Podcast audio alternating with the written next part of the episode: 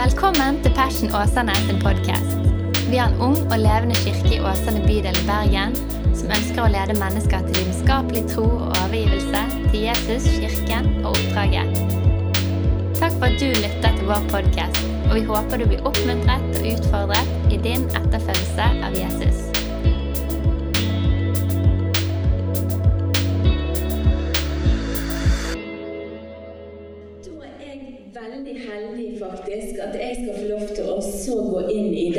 Serien som vi har hatt her i Persen, som handler om disippel. Det å, hva betyr det å være en disippel? Eh, og nå har jo vi eh, snakket fire, tre ganger før om hva det betyr å være en disippel og følge etter Jesus. Eh, og da har vi snakket om eh, ordet.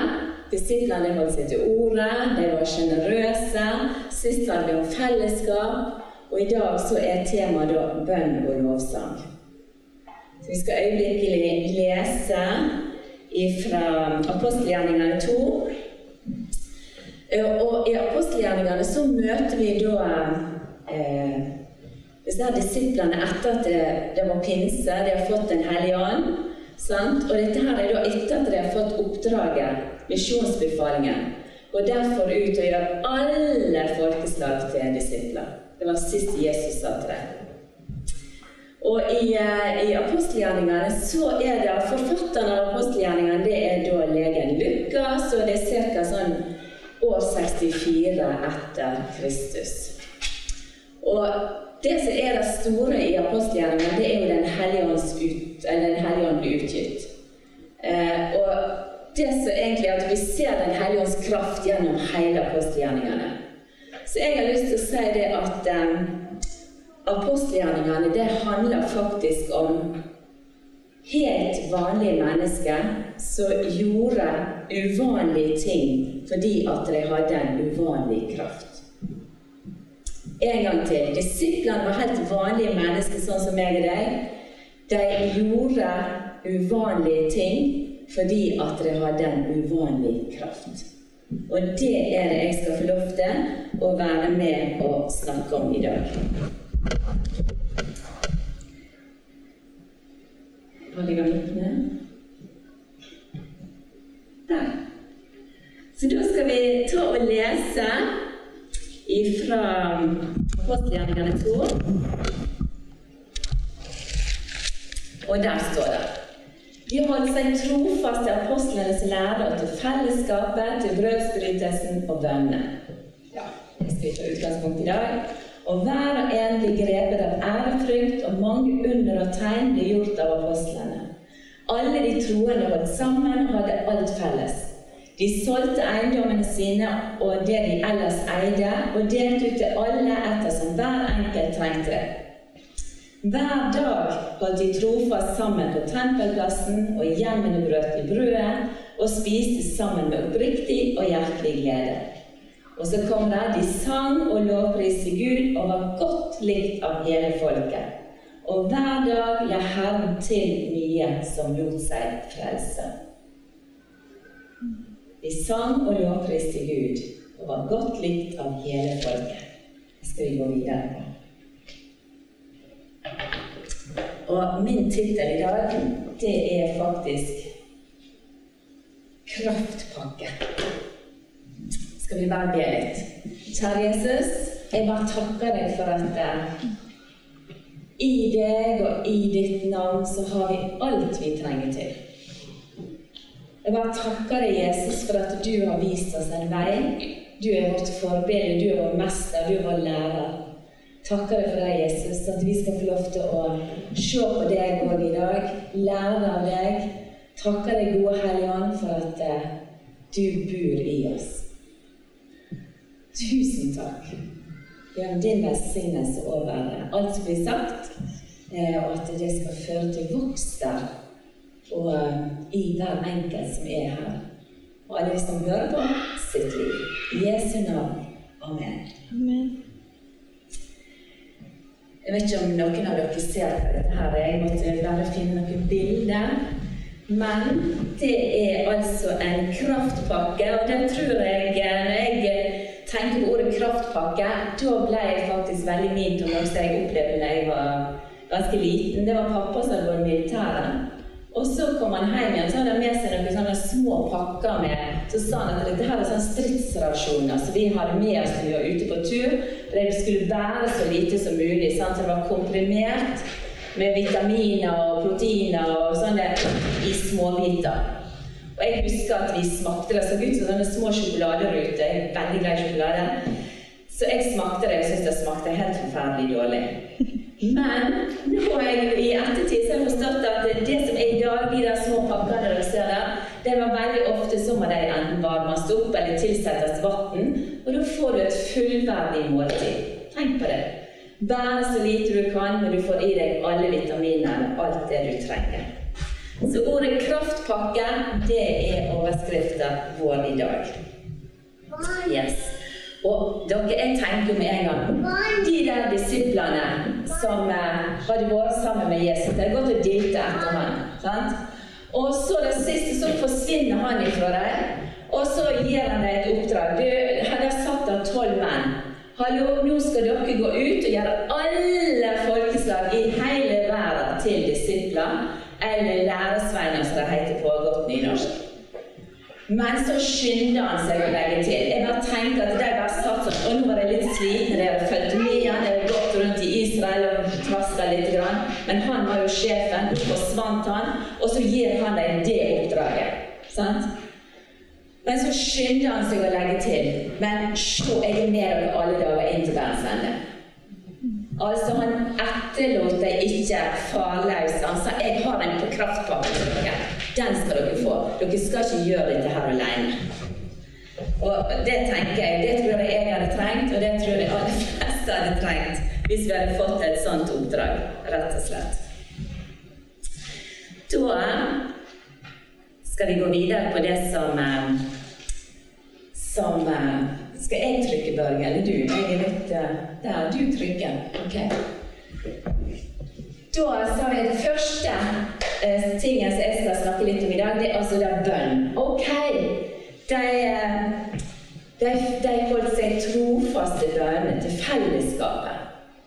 Å ja, ok. Hvorfor gjorde de det? Og de aller fleste av oss her inne vi har en sånn tanke om hva bønn er for noe. Jeg tenker faktisk at bønn, det er kommunikasjon. Det er det første. Kommunikasjon. Eh, og jeg tenker at eh, kommunikasjon det er mellom venner. Det er mellom venner. Eh, og disiplene det hadde vært sammen med Jesus, eh, og de hadde sett at Jesus var i bønn. Eh, og jeg tenker at eh, nå var de etterlatte. Jesus hadde reist i himmelen, de hadde fått en hellig ånd. Og så visste de at vi må holde oss nær til Han. For det er tross alt Han som som hele tida viste oss hva vi skulle gjøre, hva, hva, hva beslutninger vi skulle ta i forskjellige situasjoner. Så disiplene de, de brukte tid i bønn daglig, står det, sikkert mange ganger for dagen. Men det jeg tenker på i den relasjonen mellom disiplene og Jesus, det var ikke en sånn der Det jeg sier, er like viktig som det du sier, som mellom likeverdige venner. Når disiplene ba til Jesus, så fikk han det siste ordet. Altså han, De søkte råd hos han. Når de var i bønn hos Jesus, så var det han hva, hva, tenker du om dette her nå? Skal vi gå der? Skal vi, skal vi reise dit? Skal vi be for de syke der? Hva tenker du, Jesus? Så de fikk liksom informasjon i bønnene, i det nære fellesskapet med Jesus. Så fremdeles var det ved hjelp av Den hellige ånd. Eh, og jeg tenker at det er venner som jeg sjelden ser. Sant? Til slutt så vil jeg glemme hva de står for. Er dere med? Da, da er ikke det Hvis jeg eh, ikke har sett eh, f.eks. en som heter Per på mange år Vi var kanskje nære venner en stund, sant? men så har jeg ikke sett ham på mange år. Og da vil, ikke, vil jeg til slutt ikke tenke så mye på hva mener Per om dette her. Det er ikke så viktig for meg. Sant? For at jeg tenker ikke på han så mye. Så derfor visste de at det skulle de få infoen fra Jesus, skulle de bli fylt av hans kraft, hans visdom, hans eh, råd i alle ting, så måtte de dyrke det fellesskapet hele tida. Martin Luther han sier så fint hva annet enn tro er bønn. Sant? Gjennom bønn så utvikler vi vår, viser vi trua. I Jakobs brev så står det faktisk at eh, tro uten gjerninger er død tro. Så igjen, når jeg ber, så, så kommer jeg til Jesus, og så sier jeg at ja, jeg tror virkelig at du har et svar på dette her som jeg eh, lurer på nå, det som jeg tenker på, det som jeg, er utfordrende for meg. Det er tro satt i, eh, i handling. Og så er det en pastor som heter Kendal. Han sier at bønn begynner med å yte og ender med å nyte. Jeg syns det er fint. Å begynne med å yte og ende med å nyte. Jeg tror de aller fleste av oss vi har eh, kanskje opplevd det at eh, bønn, det, det begynner det, kan, det bør være en kamp. For aller fleste av oss så må det bare si at det har vært en kamp. Og alle, veldig mange av oss vi har brukt tid i bønn, og så går det litt opp og ned. Det tror jeg er for oss alle sammen, faktisk. Eh, men så er det noe med at når du har opplevd at du kommer gjennom den der bønnemuren, at du kommer inn, at det flyter, sant? da begynner du å nyte. Sånn sier sant? Da er det på en måte, da bare flyter bønnen fra ditt indre. Sant? Da er det Den hellige ånd i deg som viser deg bønnebegjær, viser deg takker, når vi kommer inn på det. Sant? Da er det en sånn flyt i deg. Jean Calvin han sier den beste måten å be på er å minne Gud på hva han sjøl har sagt i sitt ord han sjøl har sagt i sitt ord. Det å ha Guds ord foran deg. Nei, nå kommer litt. Og så, hva gjør jeg da for å trene bønnemusklene mine? Sant? Vi må bare si at vi som er her, vi kjenner mange av dere, vet dere er superflinke på å trene kroppen deres. Dere er veldig opptatt av å holde dere i form. Og så var det en som sa en gang ja, Altså Ikke komme med noe sånn voldsomt svar. Hva gjør jeg for å trene? Jo, jeg må be. Det var punkt én. Altså, Jeg trener ikke bønnemusklene mine uten at jeg ber. Og Det var en som sa så fint at uh, ikke forvent noe hvis ikke du ber. Ikke forvent noe. Så tenkte jeg ok, ikke forvent hvis ikke du ber. Uh, og jeg uh, Det står sånn, be fra Bibelen, som jeg snakket om i stad. Be Guds ord. Uh, når ungene mine var, våre var små, så søkte jeg Gud, og så fikk jeg et bibelvers til hvert av ungene. Så på en måte har fulgt dem hele tida. Og det er litt morsomt når vi nå snakker sammen, så liksom det bibelverset det bare sitter der. At det, det er ikke alltid jeg forsto hva det bibelverset var, men den dag i dag så, så vet alle hva som er bibelverset ditt. Og det er utrolig fantastisk som foreldre å kunne be bibelvers inn i ungene. Så dere som av små barn. Bare søk Gud om å få spesielt vers til hvert enkelt barn. Det er fantastisk. Um, og så er det jo sånn dere, at uh, de aller fleste av oss, eller min generasjon, vi vokste opp med Fader vår, eller vår Far i himmelen. Det lærte vi oss. Det var liksom sånn, det var sånn som vi lærte veldig tidlig. Eh, så når jeg kom i bønn, så skal jeg se for meg det der, at det er en papparelasjon. Jeg kom inn til min pappa. Eh, det står faktisk 'Abba-far' oversatt til pappa. Altså Når jeg skal inn i bønn, så det, sitter jeg på pappas fang. Det er en papparelasjon.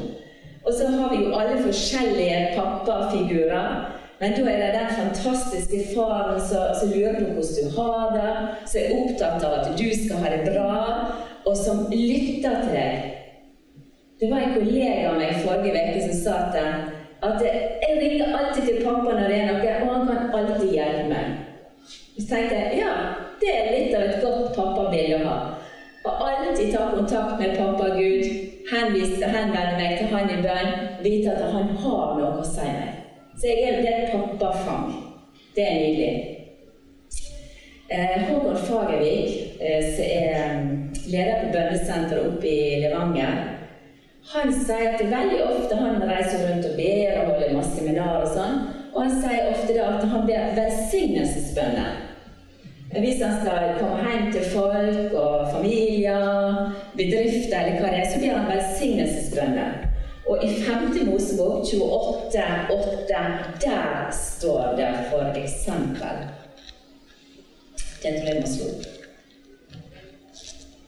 Det står at Herren skal velsigne deg. Det, det, er så fint. Det er nydelig.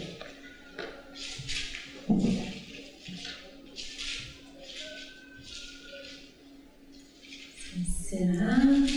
Der står det. Det er så flott. Tenk at du kan be den velsignelsen utover deg sjøl og andre. Herren skal befale velsignelse over deg, over din matbod og i alt ditt arbeid. Ja, Herren din Gud skal velsigne deg i det landet som Han gir deg. Altså, det er fantastisk hvis du på en måte sliter. Hva skal jeg, hva skal jeg be om? Så skal du be den velsignelsesbønnen over mennesker, over situasjoner, over eh, plasser. Sant? Herren skal velsigne deg. Jeg syns det er nydelig. Så tenker jeg òg at eh, for å trene disse bønnemusklene, så må de aller fleste av oss de eh, trenger fellesskap. da. Noen har en egen motor, så du har faste bønnetider. Eh, og det tror jeg veldig på. Eh, så du klarer å holde den motoren i gang. Men de aller, aller fleste av oss trenger den vekselvirkningen. Alene og sammen med andre. Jeg tror det er kjempeviktig. Så du kultiverer fellesskap. Og så står det bl.a. f.eks. i i uh, Hebreerne 10 der står det Hold deg borte når menigheten samles, som noen har fått vane. La oss oppmuntre hverandre mens det ennå er dag. Jeg tenker dette her også, Hvis jeg har lyst til å ha tak i den kraften, så trenger jeg å linke meg til andre, sånn at jeg blir besmittet. Og det visste disse her disiplene. Det visste de. Så de kom trofast sammen, så det daglig holdt seg til bønnene og fellesskapet. Eh, Mike Bickel, som er i Ihope på bønnehuset der, blant annet, så har jeg bare lyst til å vise dere hvis en bok dere ikke har lest. En bok som heter 'Vokse i bønn'. Det er en bok som er fantastisk, og jeg blir aldri ferdig med den. Den er helt fantastisk. Og jeg vil bare si det å snakke om bønn um, Altså, det, det, jeg er inne på i dag, er bare bitte litt. Altså, vi kan ha mange gudstjenester der vi snakker om bønn for dypere bønneliv og inspirere hverandre til å komme dypere i bønn. Men denne boken her er bare nydelig. Um, og så står det, har jeg skrevet 'vitnesbyrd'. Jeg tenker det at eh, det å, å dele bønnesvar, altså springe fram og si det ah, Vet du hva, jeg ba, og så skjedde det og det. Og når jeg drev og forberedte meg og så kom jeg på et sånn, egentlig litt sånn rart bønnesvar. Og så tenkte jeg nei, det skal jeg faktisk ta og dele. Det er faktisk mange år siden. Og da husker vi skulle faktisk ha barnedåp hjemme. Og så Jeg tror det var Daniel som skulle døpes. Og så måtte jeg ha meg en ny kjole. så måtte jeg til byen. sant? Da hadde jeg jo allerede et barn fra før, var trøtt og sliten. og Jeg må jo ha meg en ny kjole til denne dåpen. Og så husker jeg satt på bussen inn til byen, og så husker jeg sa til Gud Gud, hjelp meg så jeg finner en kjole fort. Sant? Og ikke gå og tråkke rundt i byen. Jeg husker jeg gikk av på galleriet, rett inn på en butikk der, fant en kjole, og så rett hjem igjen. Så liksom I løpet av en time så var jeg kommet hjem igjen. Og jeg husker bare jeg satt og Kjære Gud, hjelp meg som finnes. sånn. Altså det, det, det, er liksom litt sånn Ja, er så viktig, da? Men så jeg satt, det er den pappa Vi er på et pappafang som faktisk bryr seg om sånne småting i våre liv. Mm. Så når jeg satt og forberedte meg, så bare ble jeg minnet om den rare situasjonen. Så konkret også at Gud bryr seg om de tingene der. Og så er det noe Jesus er jo forbildet vårt når det gjelder bønn. Sant? Det står at han sto opp tidlig om morgenen mens det ennå var mørkt. Da gikk han ut, han dro til et øde sted og ba. Og når Jesus ba, han trengte den kraften, så treng, tenker jeg at jeg og du trenger den kraften. Og vet du hva? Jeg vil bare lese én ting fra Ulf Ekman. Mange av dere har hørt eh, sikkert han og hva han eh, har skrevet og sagt. Jeg syns han skriver noe veldig fint i en bok her. Hva bønn er. Så sier han at bønn er nøkkelen til seier i Guds rike. Bønn er nøkkelen til seier i Guds rike. Og så sier han at eh, Jesus sitt liv var gjennomsyret av bønn. Og hans liv er det beste eksempelet vi har på et liv i bønn. Han snakker alltid med sin far, og hans far talte til ham. Han ba på mange ulike måter, iblant stille, noen ganger gråtende, iblant med glede, iblant med høy røst. Og noen ganger ba han med Skriftens ord, og alltid, hør alltid ba han i overensstemmelse med Guds ord. Altså, jeg syns det var en sånn fin eh, definisjon på hva han tenker bønn som jeg tenkte måtte dele med dere. Alltid i, i uh, samstemmelse, overensstemmelse, heter det, med Guds ord. Sant? Det er nydelig. Og så Kraften er for alle, har jeg skrevet her.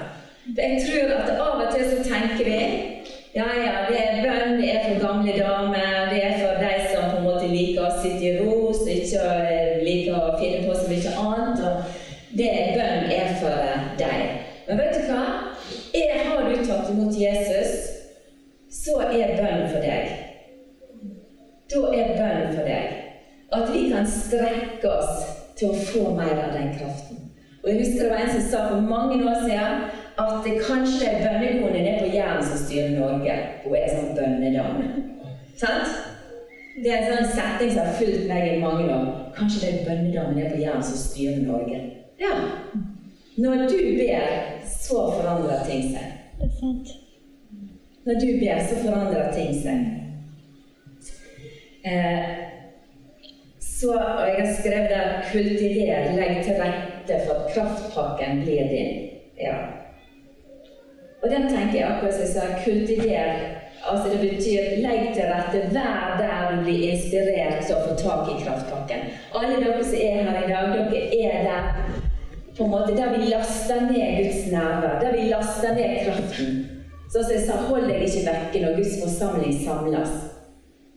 For da er jeg med å kultivere det at jeg kan få tak i det som de andre har. Og så besmitter vi hverandre. For det der smitter skikkelig. Og så jeg skrevet ja, dere skal søke meg, og dere skal finne meg når dere søker meg av et helt hjerte. La jeg der dere finne meg, sier Herren. Sant? Og så står det be, så skal du få lei, så skal du finne barn på, så skal det bli åpnet opp for deg. Det er på en måte en sånn der grav etter gull. Grav etter gull. Og vi vet at det står kamp om det gullet, for det forandrer nasjoner, det forandrer mennesker, det forandrer meg og deg. Og omstendigheter. Så det er en sånn kamp rundt det. Men vi kultiverer det. Vi river det til oss. Så forvent gjennombrudd i ditt liv. Og jeg bare, eh, Når det gjelder Guds ord Jeg satt på fredag, så leser jeg ofte salmen, som er liksom den datoen. Og Den satt jeg på fredag og leste den salmen, og så la seg gjennom den. Og så det siste verset der. Og så bare kom det til meg ah, det er en bønn fra mitt hjerte, akkurat det som står der. Og da kunne jeg begynne å be ut akkurat det over mitt liv. Det, det er bare sånn at Når du leser Guds ord, så, så får du sånne gratis bønner. Da, da, er du, da er du på kanalen. Og jeg, for min del så er det ofte sånn at jeg leser høyt. For jeg trenger å høre ting med ørene mine, faktisk. Så jeg kan både be høyt og lese høyt. og det skjer noe i de der øyeblikkene hvor du går gjennom lydmuren. Eh, og Da kan sikkert alle av oss fortelle om at vi syntes det var vanskelig å be høyt. Og, og eh, Jeg husker du studerte, og sånn, og så var jeg sammen med meg på en sånn der eh, cellegruppe. Og der var, jeg husker det var en dame som var fantastisk å be høyt. Hun var fra en pinsemenighet. Hun var vant til det der. Jeg kom fra kirke og bedehus. Jeg var ikke vant til å be så høyt. Det var litt uvant for meg. Og jeg bare kjente ah, fantastisk å være med hånden. Sant? Og du bare kjente det der vil jeg ha tak i. Sant? Du, det smitter. Og da, sant? Da hivde jeg meg utpå. For til å begynne med så blir det jo sånn at nå, er det min, må jeg be, for alle andre. Nå må jeg be, liksom. Jeg kan be for de tre tingene. Du tenker ut på forhånd liksom, hva du skal be om. Sant? Mm. Og så til slutt så, så, så, kommer du inn i et sånn åpent landskap du tenker nei, hiv meg ut på. Jeg vet ikke hva jeg skal be om, Men jeg bare hiver meg utpå. Så er det en hellig ånd der og gir deg bønnene og, og lovprisninger, hva det måtte være. Så er du i flyten. Og akkurat som jeg skrev i stad på den ene sliden der, at um, vi trener på alle ting. La oss trene på dette her hjemme. Når du er på huskirken, eller når du er sammen med kristne brødre og søstre. Det er ikke så lett å bli høyt der, tenker jeg. Uten at det er noe mål i seg sjøl. Men hvis du har en lengsel etter det, så øv deg hjemme. Øv deg hjemme. Så den dagen jeg husker jeg fikk tungetale, jeg skal fortelle litt om seinere, da var det en som sa til meg 'øv deg mens du står og vasker opp'. Ja, rett og slett. Så konkret er, er åndslivet vårt, eller kraftpakken. Vi kan øve oss. Så forvent gjennombrudd i livet ditt. Sånn. Så sto det der at de, de sang og lovpriste Gud og var godt likt av hele folket. Og hver dag la Herren til nye som lot seg frelse. Altså Bønn og lovsang det hører sammen. Du kan egentlig ikke dele det opp. Men nå gjorde jeg det litt sånn fordi at eh, teksten var der, at vi må snakke litt om begge deler. Men bønn og lovsang hører sammen. Eh, og nå er det veldig morsomt. da Helene har sitert Salme 103 mange ganger allerede i dag. Sant? Og jeg bare kjenner at Kjenner du at, at det er vanskelig dette med lovsang og, og bønn og sånn, så, så, er Salme 103 noe for meg og deg. Da legger jeg ofte hånda på hjertet mitt, og så sier 'Velsign Herren min sjel', alt som i meg er, velsign Hans hellige navn. Velsign Herren min sjel, og glem ikke alt det gode Han gjør. Altså Det er av og til ytre omstendigheter ganske tøffe, og det er det vi ser. Og tenk dere på disiplene. De hadde hatt det ganske tøft, og de var ikke akkurat så veldig velsetta. De var venn til han der som var blitt henretta, og, og de fornekta der og da. Sant? Så de var ikke så veldig tøffe. De trengte å løfte blikket vekk fra den hverdagen som de var i, og til, eh, opp til Jesus. Og da trengte de kanskje å be den salmen. De kjente den fra Det gamle testamentet. Velsign Herren min sjel. Glem ikke alt det gode Han gjør. Og hvis du da kjenner at livet er så krevende, det du ser rundt deg, det tar fokuset ditt, så kan du alltid vite i Salme 100 der står det alltid tre grunner til at du alltid kan lovsynge hver eneste dag. Det er nemlig at Herren er alltid god. Evig varer hans miskunn, og hans trofasthet varer fra slekt til slekt. Tenk på det. Det der står alltid fast. Det, det er slått i stein, det er spikra opp. Du kan alltid stole på de tingene der. Han er alltid god. Hans trofasthet varer fra slekt til slekt, og evig varer hans miskunn. Altså Når du kjenner dagene Hva får jeg? Hva, hva er det, Gud? Er du god? Ja, gå til Salme 100. Gud er alltid god. Eh, og så er det dette med lovsang. Sant? At eh, heldigvis for meg så er ikke det å lovsang og tilbedelse det er ikke bygd på følelser. Heldigvis. Tenk om det skulle bygd på våre følelser. Det er bygd på ene og alene på Jesus Kristus, det han har gjort for oss. Kun det er det bygd på. Og, så, og jeg må si i mitt liv, faktisk da jeg lovsynger aller mest opp igjennom, det er faktisk når livet er på det aller mest krevende. Vi vet at lovsang inneholder en sånn kraft som gjør til at fienden må fly. Fienden må faktisk fly når vi lovsynger. Og se før dere disse her um, apostelgjerningene 16, det er der Paulus og Silas sitter i fengsel. De har blitt slått med stokker. Og de er ømme både her og der. De har kjettinger på armer og på beina, og de sitter der inne. Så tar Paulus opp iPhonen sin, selvfølgelig gjorde han det. Gikk inn på Spotify, trykte på Passion lovsang som Mathias har laget en fantastisk liste, som vi alle kan høre. Trykte han der, og så jubla det ut der i fengselet. Sånn, fantastisk. Og det som skjedde, var jo det at her gikk, plutselig så gikk de lettene av armene vekk, og plutselig var føttene fri. Og så gikk døra opp, og der kunne han og Silas gå ut. Hæ? Det er jo helt fantastisk. Kraften i låsen helbreder, setter fri, gjenoppretter. Og jeg, taler like mye til meg sjøl akkurat nå, for jeg har sånn tro på den kraften, og jeg har erfart den kraften i mitt liv. At den, og Hvor ofte har ikke vi hatt vitnesbyrd under lovsang, f.eks.? Vet du hva, Gud møtte meg, han kom med et ord, jeg ble satt fri. Så vet du hva, når vi er sammen, og jeg har ofte tenkt på det, har jeg virkelig sett Jesus, så er ikke vi så pene og pyntelige heller når vi lovsynger og vi tilber. Altså, jeg har alltid tenkt at den menigheten som virkelig har sett Jesus der, der er det liv og røre. Sant? Der er det liv og røre. Og Det betyr ikke så mye hva de rundt meg greier, tenker om meg. For alt i lovsang og tilbedelse, det handler om hjertet. Det handler om hjertet. Det handler om mitt forhold til Jesus. Eh, for noen år siden så hadde vi noe som het eh, salmodiskole her i Åsane og i byen. Og da skulle vi lære å tilbe i ånd og sannhet. Eh, det var liksom målet. Og hva var det? Jo, da tenker jeg å tilbe i ånd og sannhet, det er å komme ærlig. Jeg kommer inn til Jesus sånn som jeg er, og veldig ofte så blir jeg forandra. Veldig ofte så får jeg ting, for jeg kobler meg på kraftpakken. Det står jo i Johannes 15 'Jeg er vintreet, det er greinene. Uten meg kan det ingenting gjøre'. I lovsang, i bønn, så kobler jeg meg på. Se for deg en stikkontakt. Du kobler deg på, og så får du strøm og du får energi, og du får kraft. Og det er kristelivet vårt. Vi er disipler i dag. Der er kraften. Fantastisk. Og så ordet tilbedelse.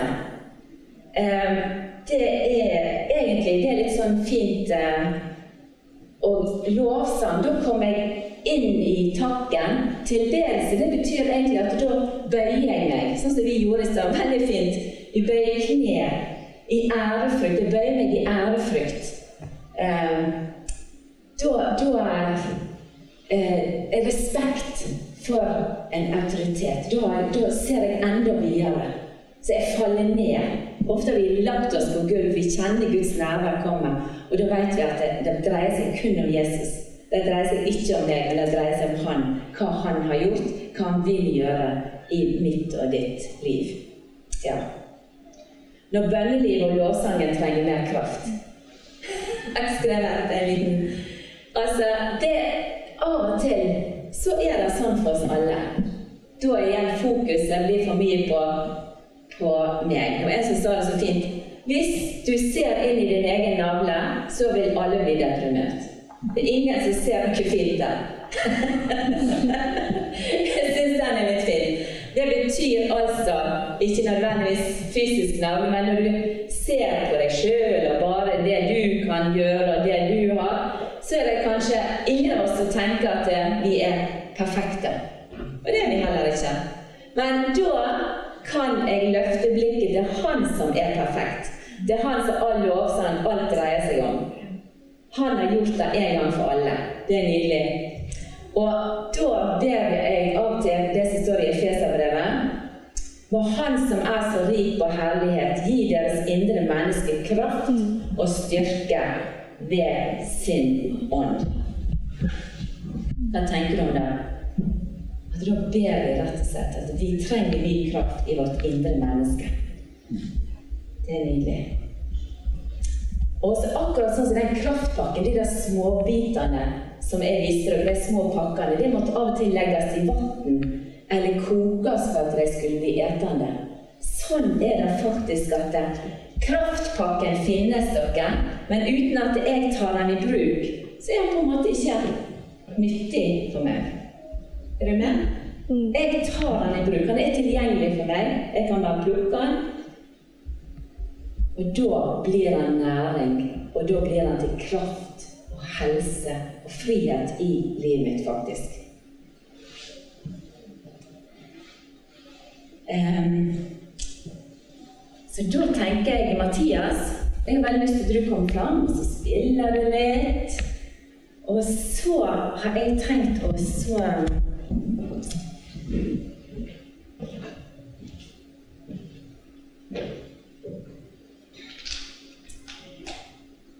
Det siste siste bildet.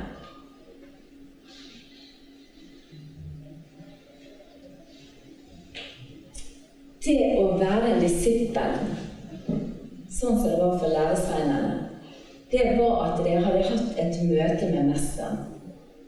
Så uten at det er en mester, uten at det er en lærer, så var det heller ingen disipler. De hadde møtt Jesus, de hadde gått sammen med ham, de hadde erfart ham. De hadde, de hadde vært så nær ham. De hadde sett hva han gjorde i de forskjellige situasjoner. De hadde sett hvilken kraft som gikk ut fra ham. Det hadde de fulgt ham. Og de hadde sett hva som var styrken i den mesteren. Og hva som skjer når du ser opp til en mester, en herre. Da har du lyst til å ligne han. Det var sånn det var for disiplene. De hadde lyst til å ligne han som de hadde gått sammen med i tre år. Eh, og da har jeg bare lyst til å fortelle at når jeg midt på 90-tallet fikk et veldig sterkt møte med Jesus Da var jeg veldig nedkjørt. Jeg, var, jeg hadde masse frykt, og jeg kjente at det var masse i livet mitt som var veldig vanskelig.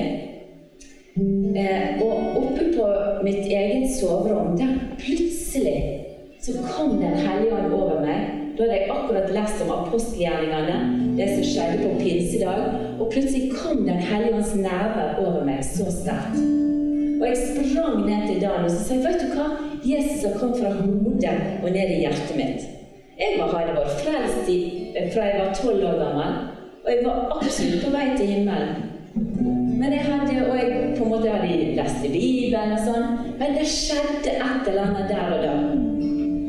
Og vet du hva?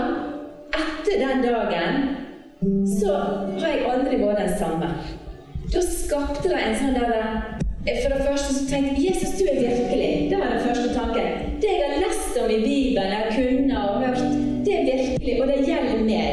Plutselig så var Jesus der og møtte lille Bodil på mitt dypeste og innerste behov. Og det som da skjedde, det var at ingen trengte å fortelle meg at jeg måtte be, at jeg måtte lovsynge. Altså, Det ble født en sånn kjærlighet til Jesus inni meg at jeg kunne ikke få nok av bønn. Og var et bønnemøte, så sprang jeg på det, for jeg måtte bare få mer av den der smaken. Og på den tiden var det også et CD. Ja. Så jeg kjøpte alle de nye lovsangseriene. Jeg var liksom først ute. Og jeg måtte komme til en ny eh, lovsangserie. Jeg må ha den. Lovsang og bønn hjemme. Og spiste Guds ord. Altså, jeg knakk dem sammen og åt og åt og åt. åt. Og når det var en forsamling, møte, hva det var Og jeg må bare være med Guds folk. Så det var da jeg har lyst til å si til deg i dag at eh, jeg har lyst til å be om det for oss alle sammen om en liten stund. At det er det møtet med Jesus det er det som forandrer oss. Det er det, det treffpunktet med Jesus. Og når du kjenner denne hungeren etter mer av Han, da, da, da trenger ikke noen fortelle deg at du må eh, gå på hus, kirke eller sant? For da, vil du bare være der, der Guds nærvær blir lasta ned. Selvfølgelig gjør du det hele, men da er det et eller annet med den lengselen, den hungeren og den tørsten som det har skapt inni deg. For du vet at det er ingenting som kan tilfredsstille deg på samme måten som det møtet med Jesus. Og når du vet at det er kraftbakken som inneholder alt du trenger til i livet ditt, så er det ganske unikt. Så det har jeg lyst til å be om i dag. Og så skal jeg rett og slett be ut ifra fra Efeserbrevet. skal jeg be den, den bønnen over oss. Hvis du er med i hjertet ditt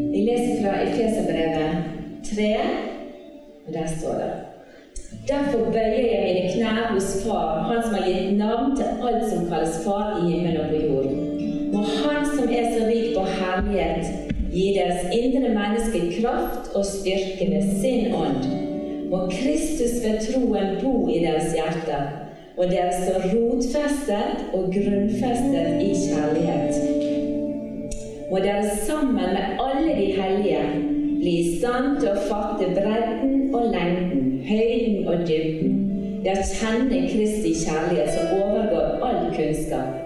og der vi er fylt av hele Guds fylde. Han som virker i oss med sin kraft og kan gjøre uendelig mye mer enn det vi ber om og forstår. Han være ære i Kirken og i Kristus Jesus gjennom alle slekter og evigheter. Amen. Kraftpakken er der for oss alle sammen. Så jeg har lyst til at vi skal ta en lovsang eller to. Og så bare Gud er alltid verd å æres. Hans trofasthet varer fra slekt til slekt. Hans miskunn, den er evig. Det er grunn til å ære Jesus. Amen. Takk for at du lyttet til vår podkast. Hvis du synes den var bra, så del den gjerne med noen flere. Vil du vite mer om hvem vi er, hva som skjer, og kanskje besøke en av våre gudstjenester, se vår nye hjemmeside på passionåsane.no, eller følg oss på sosiale medier.